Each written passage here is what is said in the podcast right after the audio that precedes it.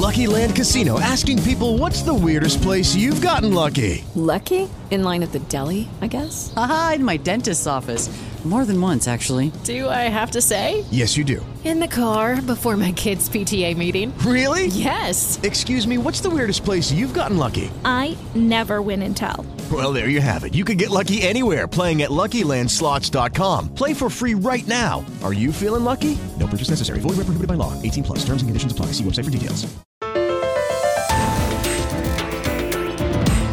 Rozmowy niekontrolowane.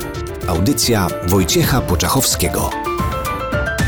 Polskie Radio Katowice. Rozmowy niekontrolowane. Przy mikrofonie kłania się Państwu Wojciech Jerzy Poczachowski oraz e, współautor, gość audycji, pan profesor Zygmunt Woźniczka. Witam serdecznie pana Witam profesora. Państwa.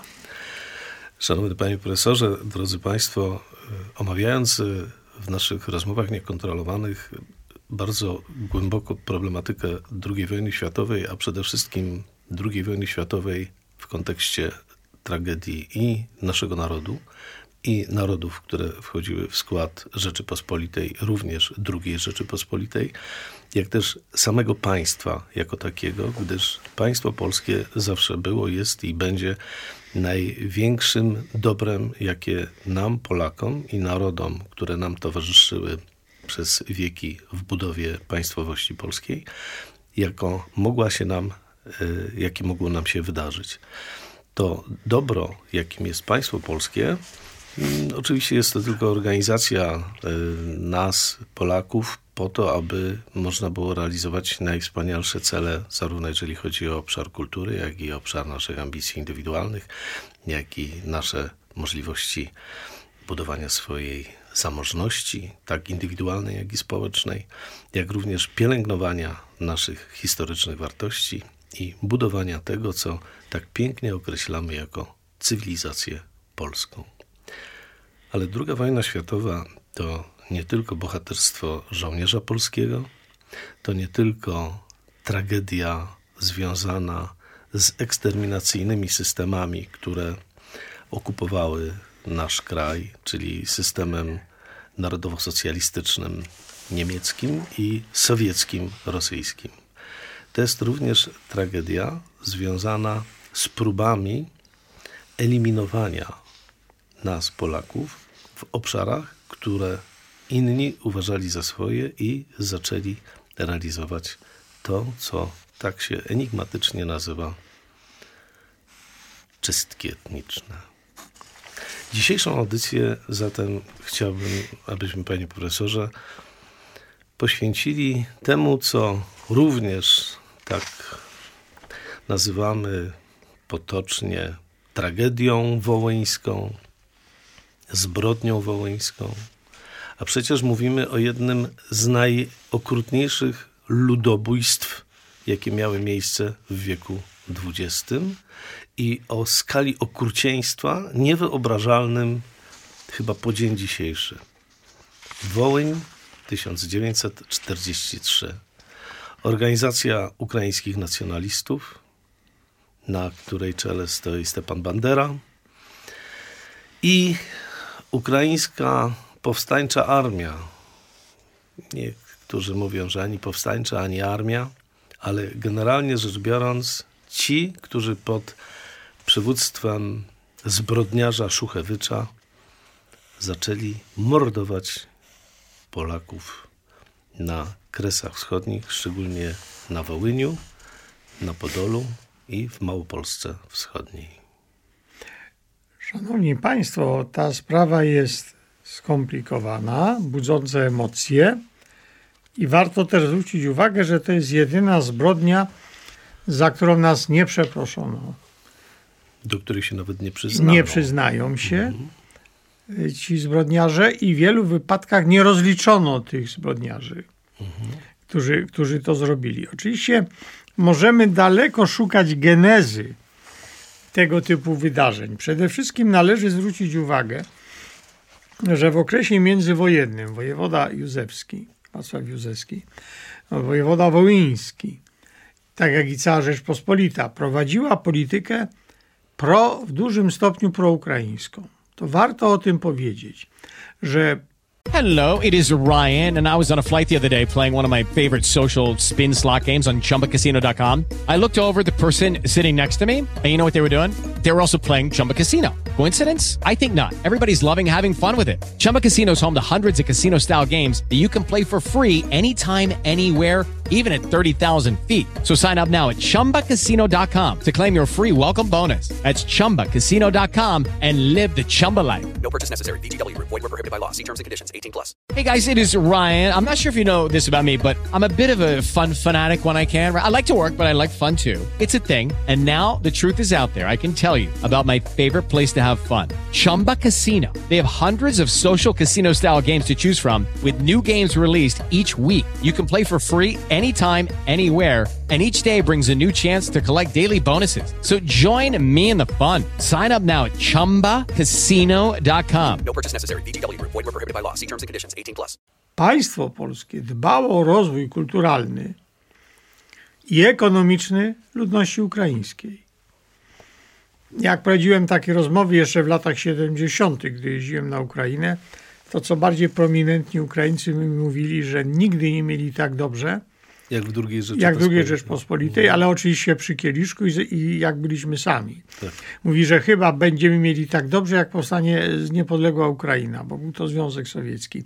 I to byli nacjonaliści ukraińscy, wodzący się z tego ruchu nacjonalistycznego. Przed wojną Ukraińcy, bo my ciągle akcentujemy w podręcznikach, w rozmowach, jak mieli niedobrze. No to jest komunistyczna, Tak, to- to jest takie patrzenie-. Nieprawdziwa, prawda? Ale to jest nieprawdziwe, bo zarówno na terenie Małopolski Wschodniej i na terenie Wołynia rząd polski prowadził politykę rozwoju swobód kulturalnych ukraińskich. I gospodarczych. I Gospodarczo. Wojewoda Józefski prowadził całą taką właśnie politykę zmierzającą w kierunku pozyskania Ukraińców i ta polityka dawała efekty. Proszę zwrócić uwagę, że na Uniwersytecie Jana Kazimierza w Lwowie mamy od- oddziały katedry, w których jest katedra języka ukraińskiego, znajdują się, e, pracują ukraińscy e, nauczyciele, Wychodzi jest prasa ukraińska. prasa ukraińska, książki ukraińskie. książki ukraińskie. Ci ludzie mogą wyjeżdżać do Niemiec, do Francji, bo są obywatelami normalnego, No, nowego cywilizowanego kraju. Tak. A z drugiej strony proszę zwrócić uwagę, że w tym samym czasie na Ukrainie sowieckiej stolicę przeniesiono z Kijowa do Charkowa, Tak. to Józef Stalin, dokonano daleko idącego wyniszczenia inteligencji ukraińskiej. Wyniszczenia. I likwidacji Ukraińców praktycznie jako Likwidacja narodu. tak. kościoła, e, cerkwi prawosławnej. I grekokatolickiego Tak, przede wszystkim. Na terenie Mhm. e, Kijowa, w Ławrze Pieczerskiej i w tych wszystkich wspaniałych kościołach porobiono muzea ateizma. Popów rozstrzeliwano, zsyłano na Syberię. E, Przeprowadzono na Ukrainie pierwszy na taką skalę w Europie wielkie ludobójstwo. To jest e, Hołodomor, czyli Wielki Głód. Wielki głód. Mhm. Wielki głód. Jeszcze nie było Holokaustu, jeszcze tych wszystkich innych rzeczy No nie jest to było. rodzaj Holokaustu, prawda? Tak, ale to już się zaczęło na Ukrainie. Tak, I ludobójstwo Stalin na już to robił. niespotykaną. Natomiast ta część Ukrainy, która była na ziemiach polskich, tak, no można powiedzieć, że to jest pięć do oka. To, co się działo. I teraz ci nacjonaliści ukraińscy, którzy budowali Ukraiński Komitet Centralny, którzy budowali organizację ukraińskich nacjonalistów, którzy współpracowali z wywiadem niemieckim, bo tu wyraźnie warto sobie powiedzieć, że wywiad niemiecki już za czasów Republiki Weimarskiej, a później za czasów dojścia do władzy Adolfa Hitlera, Abwehra i potem również te oddziały związane z, z Gestapo, z SS, pozyskiwali nacjonalistów ukraińskich. I prowadzono tego typu działania, że z jednej strony tutaj e, grupy nacjonalistów były zbudowane na Śląsku, Kurt y, Ulic i, i te Volksbundy, te partie nie, niemieckie, piąta kolumna, a jednocześnie jeździli ci przedstawiciele tej mniejszości niemieckiej do Lwowa, gdzie rozmawiali z Szuchewiczem, ze Stefanem Banderą i z tamtymi, z Szuchewicz, jeden z najgorszych ludobójców, bo to był ten zbrodniarz, który był odpowiedzialny za realizację planu eksterminacji ludności polskiej, tych tak zwanych czystek y, y, etnicznych, y, zbrodniarz, który również wyznaczał nagrody za najbardziej okrutny sposób zadawania śmierci Polakom, bo te tortury, którymi mordowano Polaków, one nie były przypadkowe, one nie wynikały dlatego, że To ktoś... było ludobójstwo ze szczególnym okrucieństwem. okrucieństwem, dlatego że chodziło o tak okrutne zadawanie śmierci, aby doprowadzić do y, masowej ucieczki Polaków, tych, których nie udało się dopaść, których nie udało się zamordować. To żeby oni ze strachu uciekali przed, I teraz przed buduje się Ukraińcami, kult przed tych UPA. ludzi, jak Stefana Bandery. I na, na przykład na, w urzędzie miejskim w Żukwi, sam osobiście widziałem, są dwie wielkie mozaiki wielkości no, z 2 na 5 metrów, gdzie jest podobizna Szuchewicza i Stefana Bandery. No i to jest I to, i to wszędzie nas- mamy tego typu budynki na terenie Ukrainy Zachodniej. I teraz i tego typu pomniki Ukraina się stawia. Zachodnia, czyli dawne kresy Dawna Małopolska, Rzeczypospolitej, Małopolska Wschodnia. tak. Stefan Bandera, pochodzący z Sambora, jego ojciec przecież działacz, również nacjonalista. Oni kończyli Politechnikę Lwowską, Mhm. czyli zdobyli w Polsce wykształcenie, jeździli za granicę, tutaj mogli funkcjonować, bo funkcjonowali w polskim państwie. I warto zwrócić uwagę, bo to my często zapominamy, że nacjonaliści ukraińscy zamordowali około 700 polskich urzędników, policjantów, W prokuratorów. drugiej Rzeczypospolitej. Drugiej Zamachami Rzeczypospolitej. terrorystycznymi. Terrorystycznymi. Tak. Dlatego wybudowano dla nich ten obóz w Berezie Kartuskiej. Znaczy to było więzienie o zaostrzonym rygorze. No, koniec, no, używajmy znaczy tego obóz, określenia. no raczej tak. to, Znaczy, to to jest było komunistyczna narracja, a w rzeczywistości to był obóz o, o, o zaostrzonym rygorze. Może nie, nie było to nic przyjemnego, ale umówmy się, że... Do Dachau i Sachsenhausen było bardzo daleko. nie, to w ogóle A to, do nie, to nie są porównywalne w ogóle wartości, Oczywiście. prawda? Proszę zwrócić uwagę, że w momencie, kiedy przygotowywano wybuch wojny, wybuchła druga wojna światowa, to ci nacjonaliści ukraińscy, oni byli, współpracowali z Niemcami. Był ten batalion Nachtigal, który razem z oddziałami SS Galicjan. tak, niemieckimi. Okrutne tak, bardzo. miał w 1939 roku zająć Lwów. I później również w 1941 roku ci nacjonaliści ten Lwów zajęli. I teraz Niemcy po zajęciu y, Małopolski Wschodniej i Wołynia w 1941 roku, w 1941 roku wykorzystywali nacjonalistów ukraińskich do ułożenia administracji i rozpoczęcia bezwzględnego terroru na tym terenie. Rozmowy niekontrolowane. Audycja Wojciecha Poczachowskiego. W dzisiejszych rozmowach niekontrolowanych z panem profesorem Zygmuntem Woźniczką poświęcamy naszą audycję jednej z najbardziej dramatycznych, okrutnych kart w najnowszej historii naszego narodu i naszego państwa, mianowicie rzezi wałęskiej. Y, Drodzy Państwo, Panie Profesorze, mm, rzeczywiście bardzo marną wiedzą dysponujemy jako zbiorowość, jako Polacy, jeżeli chodzi o prawa i przywileje Ukraińców w II Rzeczypospolitej. Przebija się wciąż narracja, którą stworzyli komuniści od 1945 roku i tak nauczano, nauczano y, kilka generacji Polaków, jakoby tam były jakieś y, w ogóle niesprawiedliwości, jak, y, jakieś uciski, jakieś Znaczy, działania. To była forma odpowiedzi rządu polskiego na represję Ukraińców. Ale nie Ukraińców jako narodowości, tylko, Tylko nacjonalistów tylko odpowiednich grup, które działały jako grupy terrorystyczne. Przy tym, co prawda? ciekawe, cerkiew ukraińska, nie cała, ale wielu księży ukraińskich wspierało ten ruch nacjonalistyczny i oni za to byli represjonowani przez władze polskie. Ale nie jako Ukraińcy, tylko jako, mówiąc, mówiąc wprost, jako terroryści, tudzież tak, wspiera, i zam- zdarzały się przypadki? Mhm. zamykania cerkwi, polonizacja, ale to była odpowiedź na to, co robili Ukraińcy. Oni prowokowali rząd przypom- polski, który musiał na to zareagować. I wyraźnie sama- trzeba to podkreślić. podkreślić. Ale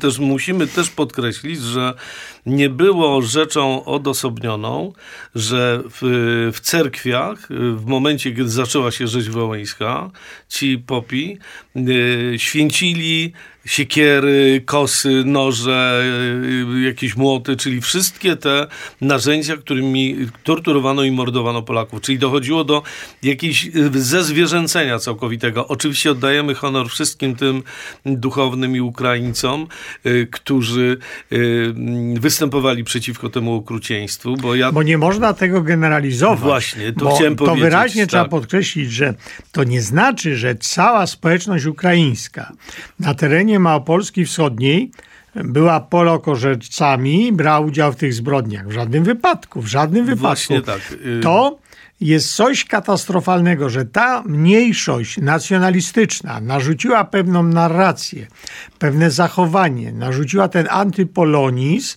i ten terror i te zbrodnie wobec społeczeństwa polskiego, ale też i wobec tych Ukraińców, którzy bronili Polaków. Ale I oni oni wyrządzili ginęli, oni wielką- mor- mordowali tych Ukraińców. Tak, mordowali. I dlatego y, chciałbym tak y, przy okazji, panie profesorze, y, przypomnieć, bo to jest bardzo ważne, że y, Sejm Rzeczypospolitej i rząd y, y, powołał przed paroma laty do, do życia odznaczenie, któ- które się nazywa Krzyżem Wschodnim, które jest odznaczeniem, którym składamy hołd wszystkim innym narodowościom, w tym wypadku głównie właśnie Ukraińcom, którzy bądź sami, bądź też dzisiaj ich potomkowie są odznaczani za to, że e, narażając własne życie, własne życie ratowali Polaków. To jest właśnie to, kto ratuje jedno życie.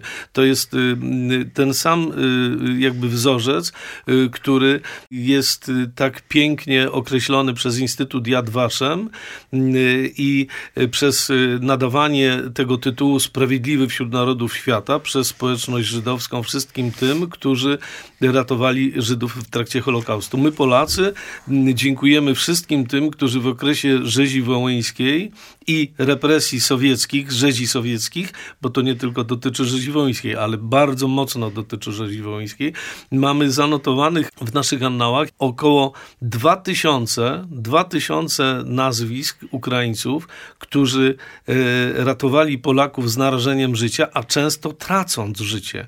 Więc e, trzeba zawsze pamiętać o tym, że z jednej strony byli ci, którzy wołali lachi prawda, mordować Polaków. Tak, ale ale z drugiej strony byli bronili. też, którzy bronili, którzy ratowali, ale to trzeba podkreślić ze świadomością, że narażają własne życie, dlatego że dla upowców, banderowców nie miało znaczenia. Jeżeli ktoś ratował Polaków, to on tak samo szedł pod nóż jak, jak Lach, jak Przy Polak. tym, co jest najciekawsze, że zarówno Wołyń, jak i Małopolska przed II wojną światową była ziemią wielonarodową, Wielonarodową, wielokulturową. tak. Mhm. Tam mieszkali Ukraińcy, Polacy, Żydzi, Ormianie, Czesi, można by wymieniać. I w momencie, kiedy rozpoczęła się wojna, kiedy ten, ten cały nacjonalizm ukraiński uzyskał poparcie Niemców, to ta ukraińska powstańcza armia, a wcześniej te organizacje ukraińskich nacjonalistów, one zbudowały taką straż porządkową, administrację, współpracowały z Niemcami i współpracowały z niemieckimi Eisensgruppen. To były specjalne oddziały niemieckie do mordowania Żydów. Tak. I ci nacjonaliści najpierw pomagali wymordować Niemcom wszystkich Żydów. W Małopolsce i na Wołyniu. Są zdjęcia. To są straszne okrutne rzeczy. tak. Bardzo wielu tych nacjonalistów było strażnikami w obozach Tak. koncentracyjnych w Bełżcu, Sociborze, Treblince, na Majdanku, w Oświęcimiu i tak dalej. Mhm. I znani byli z okrucieństwa. To jest jedna rzecz. Później dopiero zaczęła się ta działalność zmierzająca do eliminacji Polaków. I teraz jeszcze jedna rzecz, na którą warto zwrócić uwagę. Eksterminacja. Eksterminacja, że oni rozpoczęli tą eksterminację w 1943 roku, natomiast rząd polski i polskie państwo podziemne, ja przeglądałem te dokumenty, te raporty, wyciągnęło do nich rękę. Toczyły się rozmowy z przedstawicielami inteligencji ukraińskiej, z przedstawicielami no, tej administracji ukraińskiej. To nie wszyscy byli przecież w UPA, że my idziemy na daleko idące ustępstwa. I w wolnej Polsce Ukraińcy mają mieć Uniwersytet w Lwowie, ukraiński. Ma być dokonana reforma rolna. Mają mieć równouprawnienie w szkolnictwie, uprawnienie w sferze ekonomicznej i tak dalej, i tak dalej. I w tym kierunku takie propozycje padały z ust przedstawicieli administracji polskiej, e, polskiego państwa podziemnego. Z administra- takie były sygnały idące z Londynu, że w zasadzie my, jako polska administracja, jako Polacy, proponowaliśmy Ukraińcom swoiste równouprawnienie na terenach wschodnich, za wyjątkiem jednej rzeczy.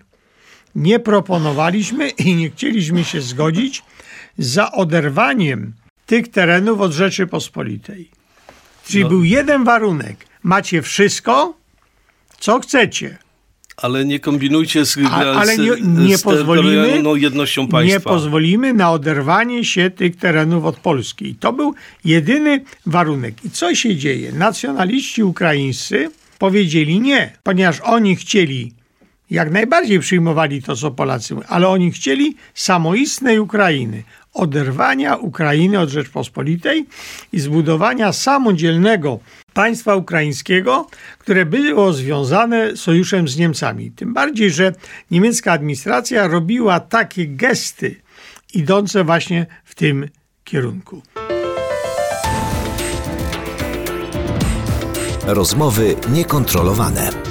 Audycja Wojciecha Poczachowskiego. Rozmawiamy z panem profesorem Zygmuntem Woźniczką o rzezi wołyńskiej, ale y, również o II Rzeczypospolitej, z której wiele problemów y, wydawałoby się wyrasta, bo taka była narracja komunistycznej historii i te elementy po dzień dzisiejszy gdzieś tam pokutują y, na stronach y, podręczników historycznych, ale musimy sobie to powiedzieć z bardzo takim mocnym, stanowczym akcentem. Druga Rzeczpospolita wyciągała rękę do, do mniejszości, do mniejszości ukraińskiej w tym wypadku. I również w czasie wojny. W czasie w wojny okupacji. Identycznie. Za chwilę zresztą do tego wrócimy, panie profesorze. I y, ci, którzy przed wojną, właśnie Bandera, nie Bandera, oni y, uderzali uderzali w te środowiska polskie i ukraińskie, które były za tym takim e, budowaniem relacji przyjaznych polsko-ukraińskich. E, Sławny zamach na, na ministra Pierackiego, czyli ministra spraw wewnętrznych, który był całym sercem za budowaniem relacji pozytywnych, za jak największą taką autonomią środowisk ukraińskich. On nie został zamordowany, tak jak komuniści często sugerowali łajdacko, że on był jakimś takim ukrainożercą. Wręcz odwrotnie. Minister Pieracki był człowiekiem, który absolutnie z całym sercem i zaangażowaniem budował dobre relacje między Ukraińcami i Polakami. I za to zginął, dlatego że Ukraińcy... Widziałem to miejsce w Truskawcu. Prawda? On y, zginął też y, musimy pamiętać, że środowiska ukraińskich nacjonalistów były wspierane przez wywiad, y, bardzo silnie przez wywiad III Rzeszy, również materialnie i szkoleniowo. I y, ci Ukraińcy stosowali, ci właśnie z tak zwanych nacjonalistów ukraińskich, stosowali zasadę divide impera, dziel i rządź. Czyli najłatwiej było tak poróżnić Polaków i Ukraińców, żeby zaczęli się wzajemnie nienawidzić. Polski rząd i polska racja stanu była absolutnie przeciwna takim relacjom. Myśmy budowali dobre relacje z Ukraińcami. Ja pamiętam, jak mi e, opowiadali dziadkowie, jak e, na kresach dawniej się wędrowało i na przykład z daleka można było zobaczyć, to były takie jakby spółdzielnie rolnicze i te ukraińskie spółdzielnie rolnicze były z daleka rozpoznawalne, bo one były nawet malowane malowane, budynki były malowane w, w, w żółto-błękitnych barwach, czyli barwach, e, e, Narodowych. barwach narodowych ukraińskich i wszyscy i tak e, tam lgnęli, ponieważ te spółdzielnie ukraińskie rolnicze, one gwarantowały najwyższą jakość tych produktów rolniczych, najlepsze masło, najlepsze mleko i w dodatku na do, dobra cena. A Polska jako państwo wspomagała takie inicjatywy. Pozwalała właśnie, żeby Ukraińcy posiadali własne podmioty gospodarcze, aby się bogacili, prawda? To, co pan profesor powiedział, I teraz żeby proszę tylko już zwrócić- zachowali szacunek wobec wspólnego Właśnie państwa. i teraz, ponieważ ja nie chciałbym, żebyśmy tylko mówili o strzelaniu, ale zwróćcie uwagę, szanowni słuchacze, na coś takiego. Te zbrodnie wybuchają w 1943 roku. W 1943 roku. I ukraińscy nacjonaliści chcą zbudować państwo w oparciu o Niemcy, ale jest Teheran jesienią 1943 roku, który wyraźnie mówi, że tereny na wschód od Bugu należą do Związku Sowieckiego. Tak. I w tej sytuacji ci, ta Ukraina, ta, która za Polski nie miała źle, ma być włączona do Ukrainy sowieckiej, radzieckiej. Czyli tragedie, które były Tak. udziałem tej części I sowieckiej teraz do co oni 1939 robią? roku? Oni mordują Mhm. Polaków, oni nie chcą z tą Polską rozmawiać, Czyli chcą- Bandera, Szuchewicz, e, tak, są samodzielnej Ukrainy, na co w ogóle nie ma żadnej szansy Czyli w z tym punktu momencie. widzenia ich interesu to, jest było- kretyństwo, to, to, prawda? to było kretyństwo, Mhm. bo nagle oni się znaleźli w sowieckiej Ukrainie. Mało tego, to już jest y, y, to, to No. na co pan profesor zwrócił uwagę, a ja chciałbym też jeszcze mocno podkreślić, Zamiast z nami 40 razem wspólnie się bronić przed Sowietami, to, To- to, e, oni e, ułatwiali tym Sowietom wejście tutaj, mało do tego, siebie, do domu. Dokładnie, ale też y, mało tego, już 43 rok, panie profesorze, to już jest sowiecka kontrofensywa Tak. i wiadomą rzecz, zresztą stąd wynika ten Teheran, prawda, a później Jałta. Tak, oczywiście. że wiadomą rzeczą jest, że Niemcy już nie będą potrafili przełamać tej sowieckiej kontrofensywy. Szczególnie po Stalingradzie, szczególnie Po po, Kursku. po Kursku, kiedy y, te dwa, dwie największe klęski i no, właściwie no, niewiarygodne ilości jeńców niemieckich, które trafiały sowieckie, trafiły I tu mamy ręki. bitwę pod Kurskiem, załamanie się frontu, a tu wybucha rzeź moldowania I- i- Polaków a na tu Wołyniu. nadchodzą Sowieci i oni nadchodzą absolutnie bezwarunkowo. To, że Tak. Sowieci przyjdą, to jest kwestia tylko kiedy. Pr- Przypomnijmy, że przekroczyli przedwojenną granicę Polski w lutym 1944 roku, czyli jak wybucha rzeź, to jest pomiędzy wiosną a latem 43, y, y, 43 roku, to przecież to jest już y, słychać działa sowieckie. A oni mordują Polaków, oni z którymi można wspólnie się przeciwstawić. Mało tego, Dokładnie tak. po zajęciu tej Ukrainy, czyli Wołynia, zaraz po rzezi wołyńskiej, po wymordowaniu Polaków, ale również nie na Wołyniu, ale również w Małopolsce Wschodniej, trzeba wyraźnie Tak. to powiedzieć, że wymordowano prawie 100 tysięcy, od 80 do 100 tysięcy Polaków na Wołyniu i w Małopolsce Wschodniej i ledwo te groby jeszcze nie ostygły, a już przyszło NKWD. I to UPA, Ukraińska Powstańcza Armia, która brała udział w mordowaniu wcześniej Żydów, a później Polaków, musiała stawić czoło Armii Czerwonej i NKWD. A byli przyzwyczajeni do mordowania, a nie do walki. Tak, i nagle się okazało, że w tej konfrontacji oni nie są w stanie sobie poradzić i Szuchewicz, ci wszyscy wataszkowie, którzy mordowali Polaków, zostali wytłuczeni przez NKWD. Cała ta struktura UPA została zdekonspirowana i rozbita przez NKWD, to jest druga połowa lat 40. I skala olbrzymich represji, jakie spotkały nacjonalistów ukraińskich właśnie w tej drugiej połowie lat 40., jest bardzo duża. Całe oddziały, całe te sotnie UPA były wybijane przez NKWD. Dlatego Byli ci- uciekały na teren tak, Polski, tej, tej, tej, Rzeczpospolitej, tej byli wyżynani, Mhm. byli wywożeni na Syberię.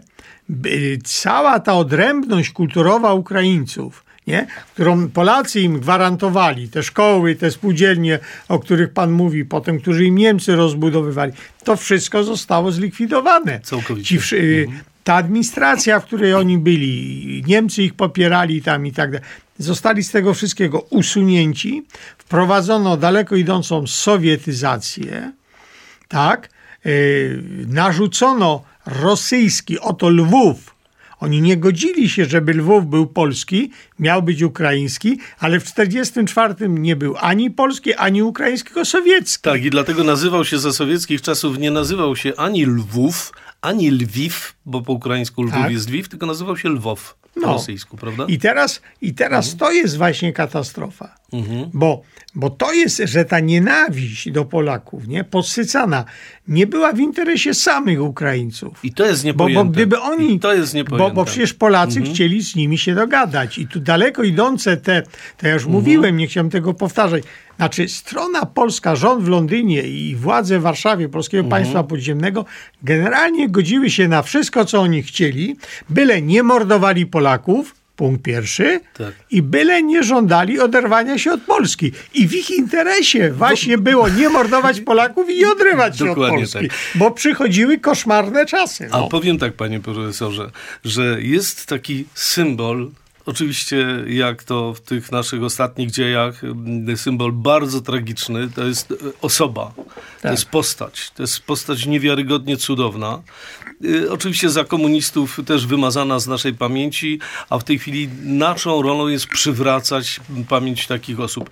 Y, To jest y, oficer Wojska Polskiego, ale jednocześnie cudowny poeta Zygmunt Rummel. Zygmunt Rummel, który był oficerem, dowódcą Armii Krajowej, ale jednocześnie wielki orędownik przyjaźni, by nie powiedzieć miłości, miłości y, y, między dwoma narodami. On napisał, bo on był poetą, napisał przepiękny wiersz Dwie Matki, prawda? To był Zygmunt Rummel. To był ten, który odwoływał się do tych cudownych słów Tarasa Szewczenki, y, który zwraca się do Polaka y, poetycko w XIX wieku, mówiąc podaj rękę kozakowi i serce swe ku niemu przychyl, a razem w imię Chrystusowe odbudujemy raj nasz cichy, prawda? To jest y, Szewczenko. I Zygmunt Rummel dostaje rozkaz od dowództwa Armii Krajowej, aby spotkać się z dowódcą tego obszaru, w którym na Wołyniu y, y, operował, żeby spotkać się z dowódcą UPA, i y, dojść do porozumienia, bo wydawałoby się, że to są, muszą być jakieś nieporozumienia, skoro takie rzeczy się dzieją. Zygmunt Rummel jedzie na to spotkanie z tymi, z tymi, z tymi upowcami, z tymi bandziorami, ale żeby okazać jeszcze w dodatku swoją y, y, dobrą wolę, co jest dzisiaj dla nas też trudno, powiedziałbym, zrozumiałe, bo to przecież wojna do, ma do czynienia z barbarią wszelaką. On jedzie na to spotkanie z pustą y, y, kaburą, nie zabiera pistoletu, żeby pokazać, że on przyjeżdża bez broni. I, Że on, I wpadnę panu w słowo, bo ja to czytałem o Tak. tym i, i taka sława. On przyjeżdża z, z dwoma Yy, przybocznymi tak. oficerami, on przyjeżdża. Przyjeżdża ten oficer tego, tego, który jest studentem, był studentem Uniwersytetu w Lwowie, który znał jego wiersze. Prawda? I mówił po polsku. Tak. Przywitał się z nim, poznał go, wiedział kto to jest i mówi, pisze pan wspaniałe wiersze Prawda? Mhm. o przyjaźni polsko-ukraińskiej. I kilka zdań zamienili o tych wierszach, I nie? co się dzieje? I później mówi, no ale niestety, czy coś takiego nie, on powiedział. powiedział, ty, ty y, y, przyjechałeś bez broni, a ty nie wiesz, co my możemy tobie zrobić. I wtedy jest ta niewiarygodna Tak. scena, to musimy, musimy Państwu z całą y, szczerością y, y, y, dopowiedzieć to okrucieństwo. Mianowicie Zygmunt Rummel, przyjeżdżając na spotkanie bez broni, w mundurze Wojska Polskiego, z dwoma oficerami, którzy mu towarzyszyli, przyjeżdżając po to, żeby I mieli wyjaśnić... słowo honoru oficerskie, że, Że- jadą na pertraktację, byli e, per, znaczy, Mieli gwarancję bezpieczeństwa. bezpieczeństwa Tak. i oni byli emisariuszami jakby to. Emisariuszami Słowo honoru takich się nie rusza, nie wiadomo. Rusza, prawda? E, I co się okazuje? E, Zygmunt Rummel zostaje nie zamordowany na zasadzie zastrzelony, on zostaje rozerwany koniem. I od tego momentu już było wiadomo, że, że y, no, nie ma mowy z tymi barbarzyńcami, UPA i, i, i OUN, nie ma mowy o Ale rozmowie. proszę zwrócić uwagę, jak to wyglądało. To często wyglądało tak, że powiedzmy ściągano oddziały ukraińskiej powstańczej armii, namawiano ludność okolicznych wsi lub terroryzowano ludność okolicznych wsi i oni zazwyczaj w niedzielę napadali na wsie zamieszkałe przez Polaków. To najczęściej w okresie nabożeństw, kiedy cała ludność tej wsi zgromadzi się w kościele. I ta ludność gromadzi się w kościele w niedzielę do południa, tak, w Olipieniackiej i wielu innych miejscach i w tym momencie następuje ten napad. Wiadomo, że, że nie trzeba tych ludzi szukać, że się nie schowają, bo są w kościele. I w tych kościołach, przy biciu dzwonów, przy śpiewach y, kościelnych, nie, księża razem z tymi ludźmi byli w bestialski sposób mordowani. Skala tego była tak duża, że była zaskoczeniem dla dowództwa Armii Krajowej, które nie za bardzo wiedziało, jak sobie z tym poradzić. Armia Krajowa zadziałała. Nie poradziło sobie, panie Tak, profesorze. z dużym opóźnieniem. Sobie, w sumie powstały tam oddziały samoobrony, e, gdzie e, właśnie cichociemny e, Filipowicz Janka zorganizował takie, takie oddziały i ostatecznie po tej pierwszej fali udało się zorganizować duże obozy, czyli wokół dużych wsi czy miasteczek gromadzono ludność, stworzono obrony, oddziały samoobrony, kupowano broń od Niemców, broń od Niemców i te oddziały warowne niejako przetrwały. Natomiast niewielkie sioła, gdzie była ludność polska, zostały wyrżnięte w pień, a całe wsie popalone. Przy tym Niemcy, zaskoczeni skalą tego ludobójstwa, zaczęli pomagać Polakom. Z czego to wynikało? Wynikało to z dwóch rzeczy. Po pierwsze, Niemcy się obawiali, że linie komunikacyjne zostaną całkowicie przerwane w wyniku tych napadów, rabunków. Po drugie, Polacy przestali uprawiać pola, a chodziło o żywność, Tak. o dostarczenie żywności. Mało tego, oni palili Ukra... y, Palili to wszystko. Palili, Poza tym. Niemcy pozysk, ratowali tych Polaków, tą ludność polską, która uciekała z tych wsi mordowanych przez Ukraińców. Dlaczego ratowali? Dlatego, żeby ich wywieźć na roboty do Niemiec, bo oni potrzebowali siły roboczej do pracy, a mężczyźni, kobiety, no dzieci, no wywozili tam do Niemiec i oni pracowali y, w gospodarstwach rolnych Albo u tak zwanego Bauera, tak, albo w jakichś fabrykach przemysłowych. Albo często ratowali też i po ludzku, żeby no, no, widzieli coś takiego. To dla samych Niemców było to przerażające skala tego ludobójstwa, bo to jak fala poszło. I to jest właśnie y, bardzo smutne w tym wszystkim, że w zasadzie ta rzeź wygasa, jak już mówiliśmy, późną jesienią 1943 roku.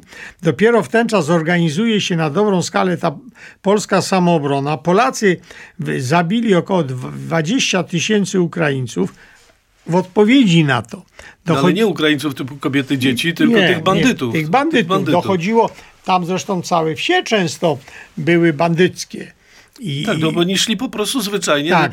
lachy fyryzaty, ale jednocześnie y, y, no, po No tak, ale, na ale to, to, budziło, zwyczajnie. to budziło gniew też i po stronie polskiej. Jak to Oczywiście. oddziały się akoskie i oddziały samoobrony zorganizowały, no to zaczęły również działać, nie bronić się, strzelać, palić te wsie ukraińskie, w których dominowali ci, no jeżeli wcześniej z tej wsi cała wieś poszła i wymordowała wieś polską, tak, i, i pojawił się oddział polski, no to na zasadzie, powiedziałbym, rewanżu wymordowano tych, którzy wcześniej mordowali Polaków. I to był bardzo silny argument, żeby zatrzymać tą rzeź. Oni nie rozumieli innych argumentów, tylko argument siły. Zawsze tak było. Tylko argument siły i argument pięści. I tą pięść Armia Krajowa pokazała w drugiej połowie 1943 roku, Już kiedy to no, już było kiedy za późno, ale niemniej jednak niewinnych istot w oparciu o te struktury zorganizowała się właśnie